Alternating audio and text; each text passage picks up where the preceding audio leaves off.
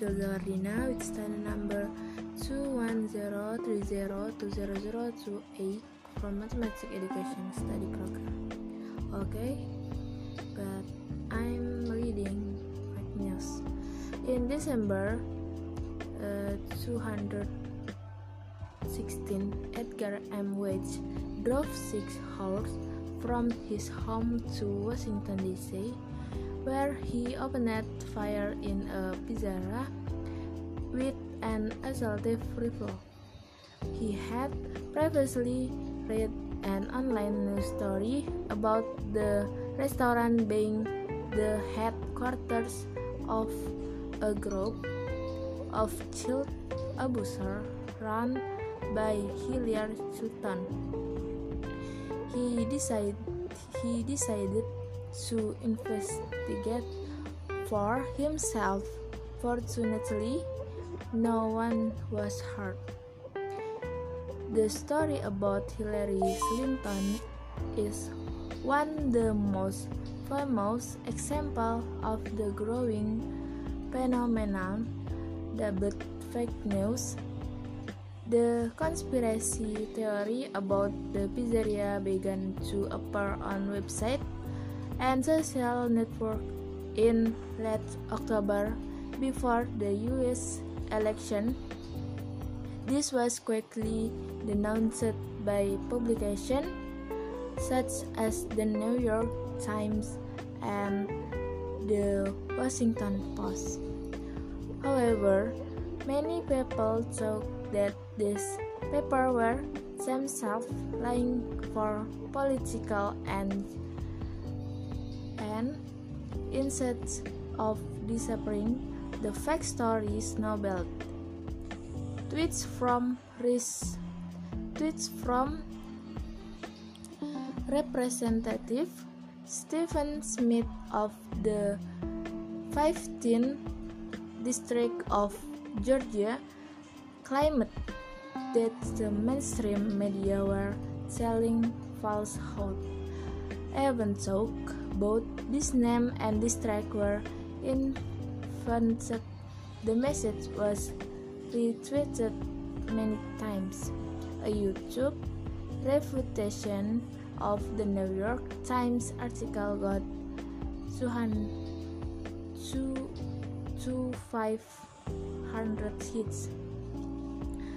Fake news story can be hard to control for, for several reasons.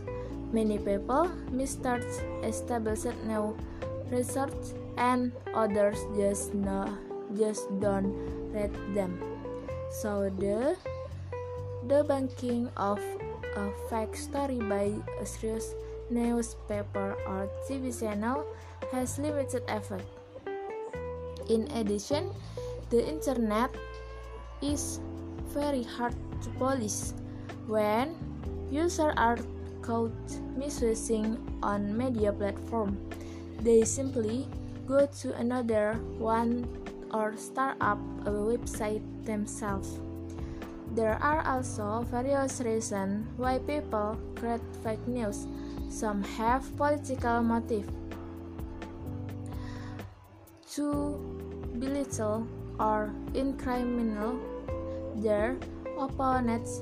Other websites like the opinion, the like the onion, deliberately publish fake news as star humors comment on social society and current affairs. Another grab is in it for the profit. Many people clicking on entertaining fake news stories can bring a lot of advertising revenue. One man running fake news sites from Los Angeles said he was making up to US dollar 300 a month in this way. There also there also was there also those like the small town teenagers in Macedonia who wrote fake news story about Donald Trump. who seem to be motivated partly by money, partly by boredom. So, what can we do to stop fake news spreading? First, make sure that the website you read are legitimate, for example, by looking carefully at the domain name and the about use selection.